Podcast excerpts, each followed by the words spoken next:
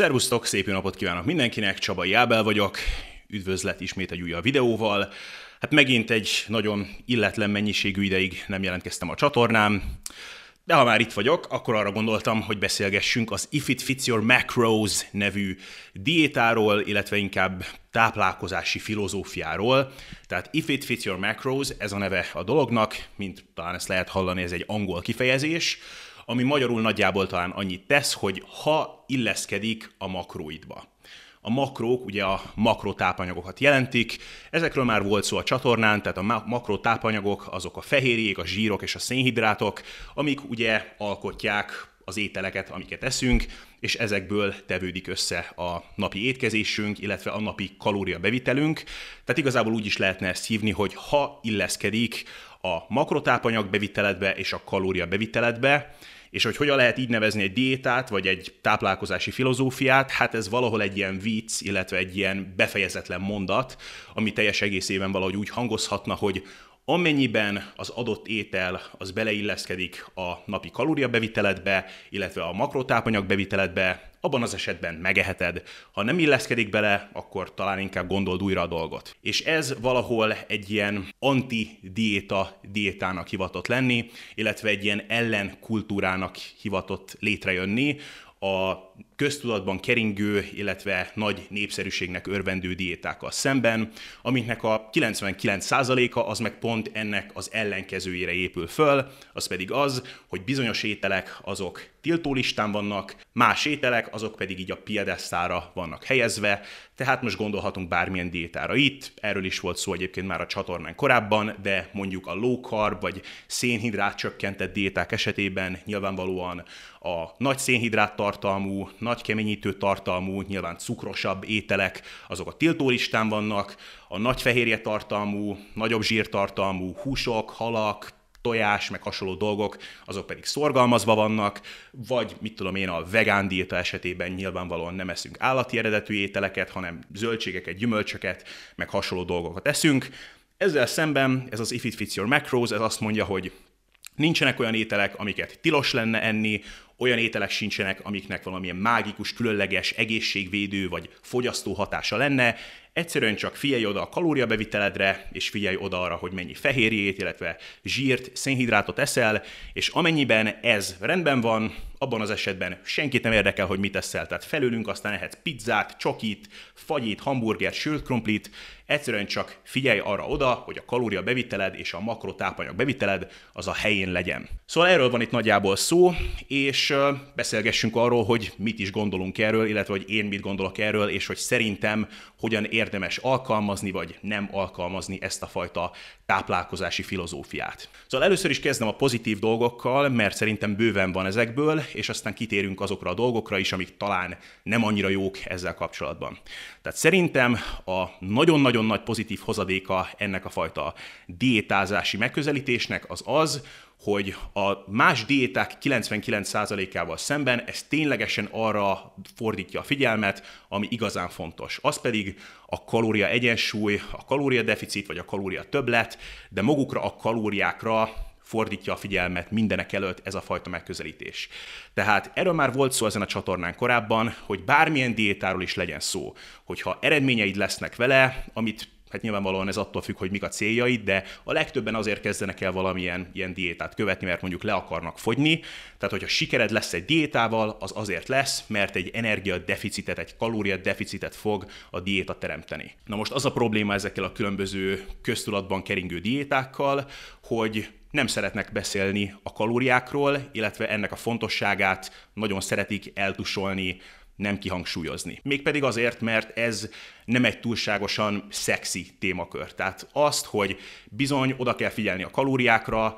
amennyiben nem eszel kevesebbet, mint amennyit a tested eléget egy nap, abban az esetben nem fogsz lefogyni, és hogy a porciókra, meg az étel mennyiségére bizony oda kell figyelni, ez nem egy olyan dolog, amit az emberek többsége hallani szeret. Ezért aztán a legtöbb ilyen diétás könyvben mindenféle történeteket kerítenek a diéta köré, illetve a diétának a mechanizmusát, azt, hogy mitől működik a diéta, azt mindenféle ilyen esetleg mondva csinált koncepciókkal vagy mechanizmusokkal magyarázzák meg, mint például a low carb vagy szénhidrát csökkentett diéták esetében az inzulinra fognak nagyon sok mindent, tehát hogyha az inzulin szint az alacsonyan van tartva, akkor a test az elkezdi felélni a saját tartalékait, és akkor átmegy a szervezet egy ilyen zsírégető üzemmódba, tehát ilyenekről lehet hallani, vagy mondjuk a paleo diéta esetében arról lehet hallani, hogy hát ezeket az ételeket ették az őseink, úgyhogy ehhez már alkalmazkodott a szervezetünk, úgyhogy ha ezeket esszük, akkor ezektől nem fogunk elhízni, ami egy érdekes koncepció. Szóval mindenféle ilyesmi dolgokról beszélnek ezek a diétás könyvek, de a leges, legfontosabb dologról, a kalória egyensúlyról, arról meg nagyon-nagyon keveset, vagy semmit sem, pedig hát ez számít mindenek fölött. Ilyen szempontból ez az If It Fits Your Macros, ez a diétáknak a 99,9%-át azt messze kenterbe veri, és ilyen módon azt is kimerném jelenteni, hogy a többi diétás megközelítéssel ellentétben, hogyha az If It Fits Your Macros diétának vagy filozófiának 100%-ig betartod a szabályait, akkor az eredményeid lényegében garantálva lesznek. Ezt a többi ilyen diétára nem lehet elmondani. Ugyanis lehet, hogy mondjuk a low carb diétának 100%-ig betartod a szabályait, tehát a szénhidrát beviteledet nagyon alacsonyan tartod mondjuk, de hogyha túl sok kis szénhidrát tartalmú sajtot, meg békönt eszel, akkor bizony nem fogsz lefogyni. Tehát ebből a szempontból az If It Fits Your Macros az egy abszolút nyerő stratégia. Egy másik nagy hozadéka az If It Fits Your Macrosnak, vagy legalábbis egy potenciálisan pozitív hozadéka az If It Fits Your Macrosnak az,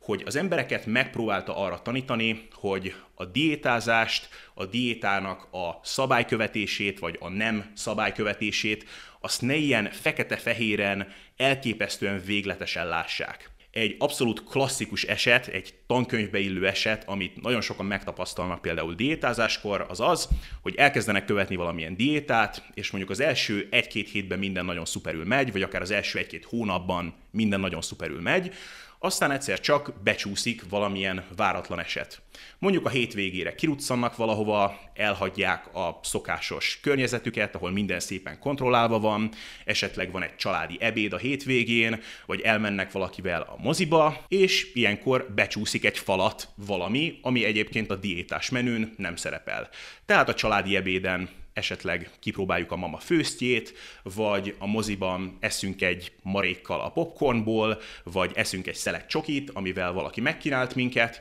és ekkor valami átkapcsol az ember fejében. Tehát az ember nem úgy éli ezt meg, hogy oké, okay, két hétig vagy egy hónapig tök szuperül csináltam mindent, tartottam magam a diétának a szabályaihoz, tehát tényleg a siker útját jártam már, és most ettem egy szelet csokit, hát most ez a nagy képet nézve mit jelent ez? Hát semmi, hát jelentéktelen, hát egy csepp a tengerbe, hát 150 kalória volt az egész, tehát az ember nem így éli ezt meg, hanem úgy, hogy úristen, hát kész, hát kudarcot vallottam, hát megettem ezt a szelet csokit, hát kész, hát innentől kezdve semmi értelme az egésznek, kudarcot vallottam, sőt, én magam is egy kudarc vagyok, az egész életem egy kudarc, hát akkor most már jobb, ha be is dobom a törölközőt, úgyhogy ha már ettem ezt a szelet csokit, akkor eszem még egyet, majd még egyet, és még egyet, Sőt, most jut eszembe, hogy idefel, amikor jöttünk, akkor láttam azt a kioszkot, ahol ilyen péksütiket árultak, azt is próbáljuk még ki, sőt, még hazafele menjünk be a sarki pizzériába, sőt, hát most jut eszembe, hogy van tőlem közel egy sarki közért, oda még este lemegyek, és veszek pár tábla milka csokit, és teljesen az ember rátenyerel az önmegsemmisítő gombra, és a rosszul létigeszi magát, és a nap hátralevő részében ez fog történni, és talán csak akkor, amikor már este lefekvés előtt a fotelban össze zsugorodva, az ember a hasát fájlalva elkezd azon gondolkozni, hogy hát basszus, az egész úgy indult, hogy ettem egy szelet csokit. Most biztos, hogy szükség volt arra a másik 28 szelet csokira? Hát oké, lehet, hogy nem volt ideális az a Snickers csoki, vagy akármi is volt az, amit megettem, de biztos szükség volt erre a teljes önpusztításra? Na most, hogy miért jut el erre a pontra az ember, hogy miért tenyerel rá az önmegsemmisítő gombra, az egy rendkívül komplex témakör, és egy olyan témakör, amit én személy szerint rendkívül érdekesnek találok, tehát ez az evés körüli pszichológia és az a pszichológia, amit a diétázás az emberből elő tud idézni, ez egy rendkívül összetett témakör, és hogyha lesz erre igény, akkor szívesen csinálok majd még erről videókat a jövőben. Ha beszéltek angolul, akkor az angol csatornámon már elég sok videót csináltam erről, erről, azokat nyugodtan le lehet csekkolni. Minden esetre legalábbis az egyik potenciális előidézője ennek az, ahogyan ezek a diéták meg vannak szerkesztve, amiket az emberek általában követni szoktak. Ugyanis amikor a diétának a sikere vagy a kudarca az az ételválasztékba bele van kódolva, akkor az ember sokkal könnyebben eljut erre a pontra így fejben, pszichológiailag. Tehát amikor egy diétának a sikere az az ételválasztékban rejlik, tehát ameddig ezeket az ételeket eszem, addig sikerrel járok, hogyha ezeket az ételeket eszem, akkor kudarcot vallottam, akkor igazából valahol a diétában magába bele van kódolva ez a fekete-fehérben való látásmód. Ugyanis, hogyha csak akkor járok sikerrel, hogyha kerülöm ezeket az ételeket, akkor igazából mi a különbség a között, hogy ettem egy szelet csokit, vagy 28 szelet csokit? Hát semmi, mert mind a két esetben megszektem a diétának a szabályait. És még akkor is, hogyha az ember úgy tudat alatt úgy sejti, hogy valószínűleg azért objektív módon nem mindegy az, hogy csak egy szelet csokit ettem, vagy 28 szelet csokit ettem, akkor is könnyű erre az ilyen önmegsemmisítő pontra eljutni így fejben. És ez egy nagyon nagy potenciális előnye ennek az if it macros típusú megközelítésnek, hogy ha az ember a kalóriabevitelre figyel oda, akkor látja azt, hogy oké, okay, megettem egy szelet csokit, mit jelentett ez a nagy képet nézve? Semmit, megettem 150 plusz kalóriát. Akkor valószínűleg innentől kezdve a legjobb, amit tehetek, az az, hogy itt megállok, oké, okay, megettem 150 extra kalóriát, számított ez valamit? Nem, abban az esetben, hogy ha a nap hátralevő részében mondjuk úgy igazítom a táplálkozásomat, meg a kalóriabevitelemet, hogy kompenzáljak ezért a 150 plusz kalóriáért, vagy hogyha már erre mondjuk nincsen lehetőség, mert már addig megettem a napi kalória szükségletemet, tehát ez a plusz 150 kalória, ez most már nem kompenzálható, legalábbis ezen a mai napon, akkor majd mondjuk kompenzálok érte a következő napon, vagy esetleg nem kompenzálok érte sehogyan sem, hanem egyszerűen csak oké, okay, ezen a mai napon többet tettem 150 kalóriával, ez még mindig sokkal jobb, mint hogyha 1500 kalóriával többet ettem volna. Tehát ez egy nagyon nagy potenciális nyeresség, amit az ember learadhat abból, hogyha kipróbálja ezt az if it fits your macros típusú megközelítést. Na most beszéljünk akkor a negatív oldalairól is ennek, mert azért abból is van. Az első dolog az nem feltétlenül egy hátulütője ennek a megközelítésnek, inkább csak egy potenciális félreértés, amiben az ember bele tud csúszni az pedig az, hogy az ember túlságosan komolyan veszi azt a kijelentést, hogy semmi sem számít, csak a kalória bevitel és a makrotápanyag bevitel. Tehát sokan ezt meghallják, és akkor úgy vannak vele, hogy oké, okay, akkor a fehérje bevitelemet azt el fogom érni abból, hogy mondjuk megiszom két-három ilyen proteinséket,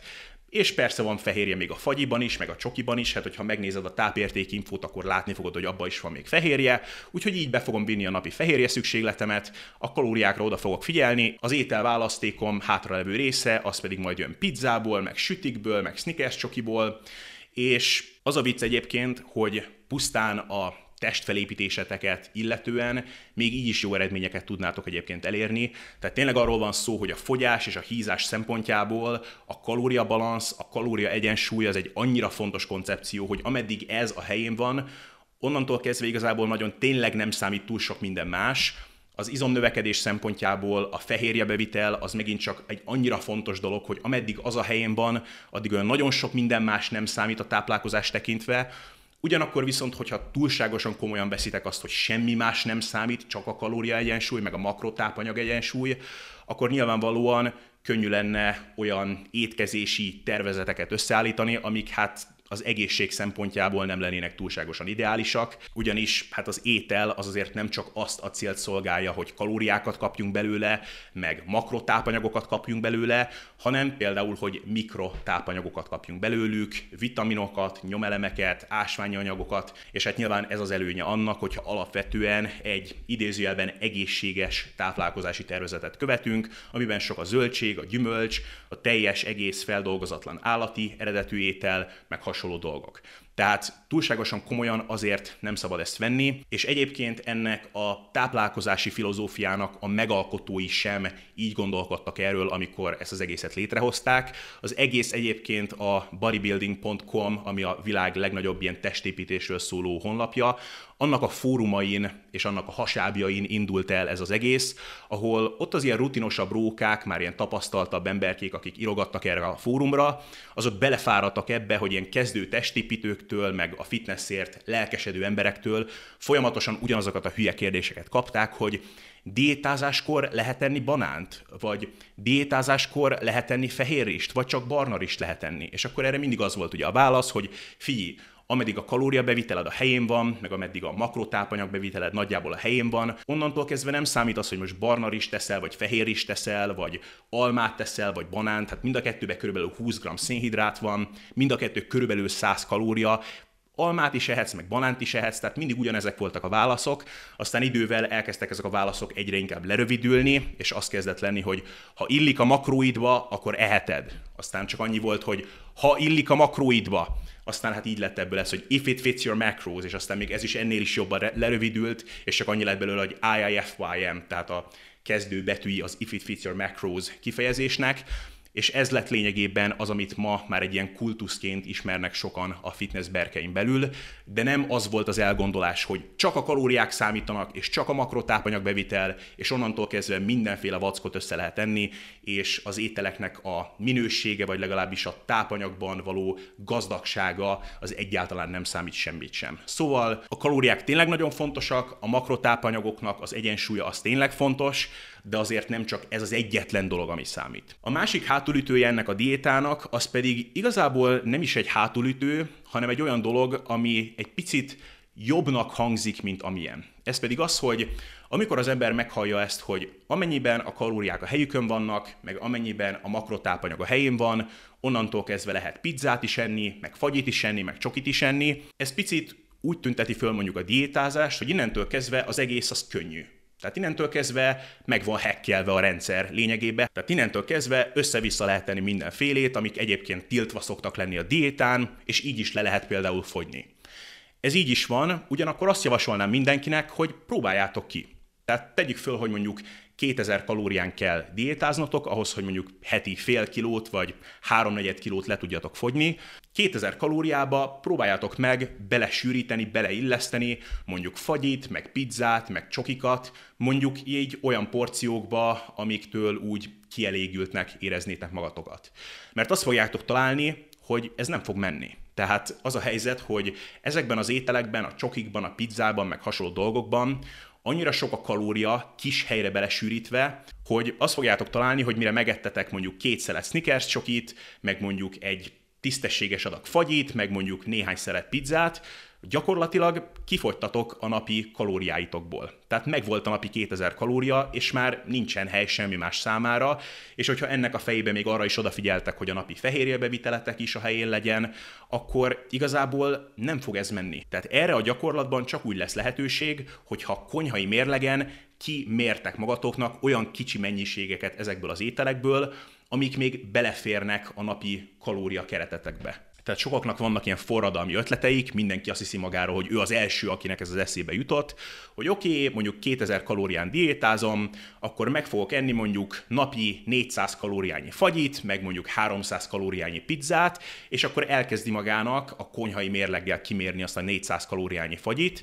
és egyszer csak azon kapja magát, hogy van mondjuk ennyi fagyi egy ilyen kis bödönben, és mondjuk van egy fél szelet pizza, és az egész már így önmagába 600-800 kalória. És mire az ember elkezdte volna élvezni az ízeket, az egész már el is fogyott, és az ember igazából úgy érzi magát, hogy hát basszus, éhesebb vagyok, mint előtte voltam. És nagyon hamar az ember arra döbben rá, hogy egyszerűen nem éri meg megpróbálni kis kalória keretekbe ilyen nagyon finom, ilyen hiper ízletes, nagyon kalóriadús ételeket belesűríteni. Mert egyszerűen az ember nem lakik tőle jól, és ekkor döbben arra rá az ember, hogy bizony, amit ezek a testépítők csinálnak, hogy össze-vissza esznek mindenféle ilyen unalmas, nem túl izgalmas, nem túl hiper ízletes ételeket, viszont nagyon laktató ételeket, ez a megközelítés bizony működik. Mert lehet, hogy a zöldségek, meg a csirkemel, meg a barna rizs az nem olyan élvezetes, meg nem olyan finom, mint mondjuk a fagyi, meg a pizza, viszont amikor az ember diétázik, akkor bizony hamar megtanulja mindenki, hogy nem éhesnek lenni,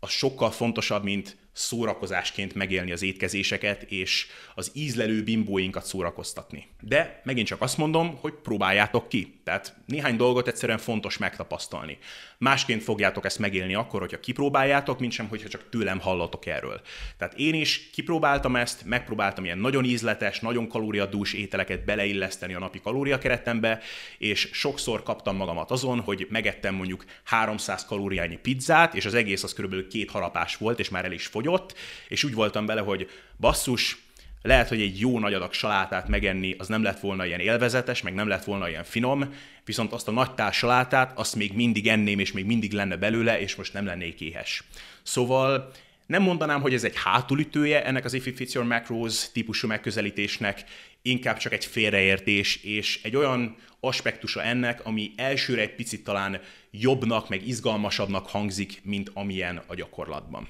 Szóval összességében azt mondanám erről az If It Fits Your Macrosról, hogy egy nagyon jó lépés a megfelelő irányba, ami a diétákat illeti, tehát ez ténylegesen a megfelelő dolgokra helyezi a hangsúlyt, tehát a kalóriabevitelre, a makrotápanyagoknak az egyensúlyára, amik tényleg a katalizátorai a jó eredményeknek, ami a testfelépítést illeti, vannak kisebb hátulütői, vannak bizonyos félreértések ezzel kapcsolatban, tehát együnk sok zöldséget, meg gyümölcsöt, meg hasonló dolgokat, amiket a nagymamáink mindig elmondtak nekünk annó, és igazából az intelligens követése ennek az If It Your Macrosnak az nagyjából úgy néz ki, hogy mondjuk az étkezésünk 80-90%-a az idézőjelben egészséges, teljes, feldolgozatlan ételekből jön, és mondjuk 10-20%-a az jöhet ilyen kis jutalomfalatokból, mint a csokik, a fagyi, meg hasonló dolgok. Tehát, hogyha valaki mondjuk 2500 kalóriát eszik meg egy nap, az azt jelenti, hogy mondjuk durván napi 200-300 kalória, az nagyjából bármiből jöhet, tehát az lehet fagyi, csoki, vagy akármi.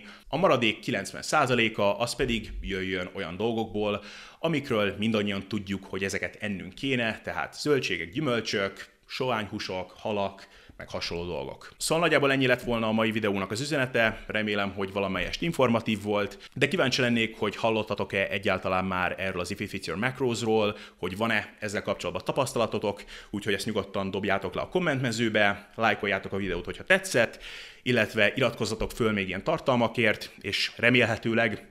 a következő videó az már nem két hét múlva fog jönni, hanem egy picit vissza fogok tudni térni a helyes kerékvágásba, és hetente legalább egy videóval jelentkezni fogok tudni rendszeresen. Minden esetre köszönöm már a figyelmet, és látjuk egymást a következő videóban.